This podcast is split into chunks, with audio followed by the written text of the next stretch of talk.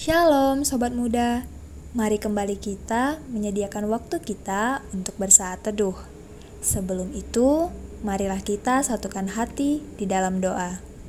Terima kasih Allah Bapa kami yang bertahta dalam kerajaan sorga atas rahmat kehidupan yang masih ada di tangan kami hingga saat ini. Biarlah kesempatan ini dapat kami salurkan juga untuk menjadi berkat bagi orang lain. Bapa, Sebentar kami mau mendengarkan renungan, Engkau yang tuntun hati dan pikiran kami agar hanya tertuju kepadamu, sehingga kami dapat sungguh-sungguh memahami apa yang Engkau ingin kami lakukan. Dalam nama anakmu Yesus Kristus, kami berdoa dan bersyukur. Amin. Sobat muda, bacaan Alkitab pada hari ini terambil dari Yesaya pasal yang ke-43 ayat yang ke-20 hingga ke-23 yang berbunyi demikian. Binatang hutan akan memuliakan aku, serigala dan burung unta, sebab aku telah membuat air memancar di padang gurun dan sungai-sungai di padang belantara untuk memberi minum umat pilihanku. Umat yang telah kubentuk, bagiku akan memberitakan kemasyuranku. Sungguh, engkau tidak memanggil aku, hai Yakub dan engkau tidak bersusah-susah karena aku, hai Israel. Engkau tidak membawa domba korban bakaranmu bagiku, dan tidak memuliakan aku dengan korban sembelihanmu. Aku tidak memberati engkau dengan menuntut korban sajian, atau menyusahi engkau dengan menuntut kemenyan. Judul dari renungan kita ialah Pemulihan yang Memuliakan Tuhan. Gereja haruslah mencair agar menjawab peribadahan di tengah masa pandemi COVID-19 yang belum berakhir. Sudah semestinya lah setiap makhluk hidup terus memuji dan memuliakan Tuhan yang bertahta di atas pujian. Pujian sebagai ungkapan ekspresi iman yang tidak menyurutkan kita di berbagai situasi yang kita alami, entah di zona nyaman atau tidak nyaman. Kehadirannya pun tak terbatasi ruang dan waktu, bahkan melampaui segala akal dan pikiran manusia. Dia adalah Allah di atas segala Allah, Raja di atas segala raja, Tuhan di atas segala Tuhan.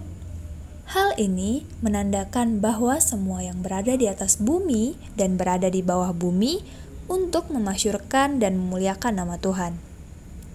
Sebagai umat pilihan Allah, seruan nabi yang mengangkat pertunjukan luar biasa yakni turut sertanya ciptaan lain yang memuliakan Tuhan, ayatnya yang ke-20, memperlihatkan binatang-binatang gurun bersuka cita dengan tersedianya air, merupakan gambaran bagi bangsa-bangsa lain yang akan memperoleh keselamatan dan pemulihan dari Allah.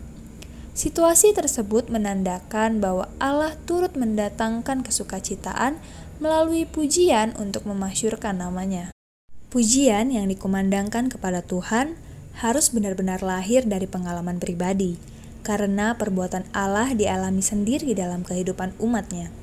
Sobat muda, Allah membuka ruang puji-pujian bagi siapa saja untuk memuliakan namanya. Janganlah memuji dan menyembah Allah sekedar kebiasaan atau rutinitas saja.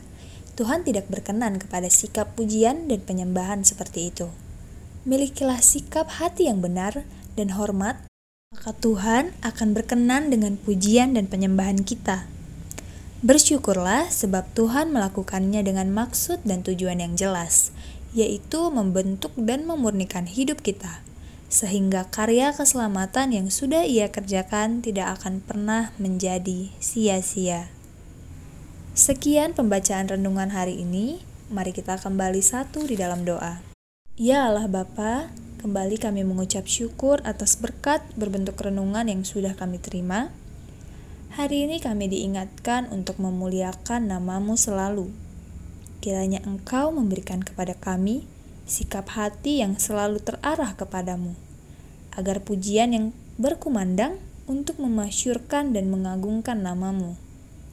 Berkati juga sepanjang hari kami, biar engkaulah yang menjadi satu-satunya pedoman dan penuntun kami dalam menjalaninya. Terpujilah namamu, kami berdoa, amin. Selamat beraktivitas sobat muda, shalom.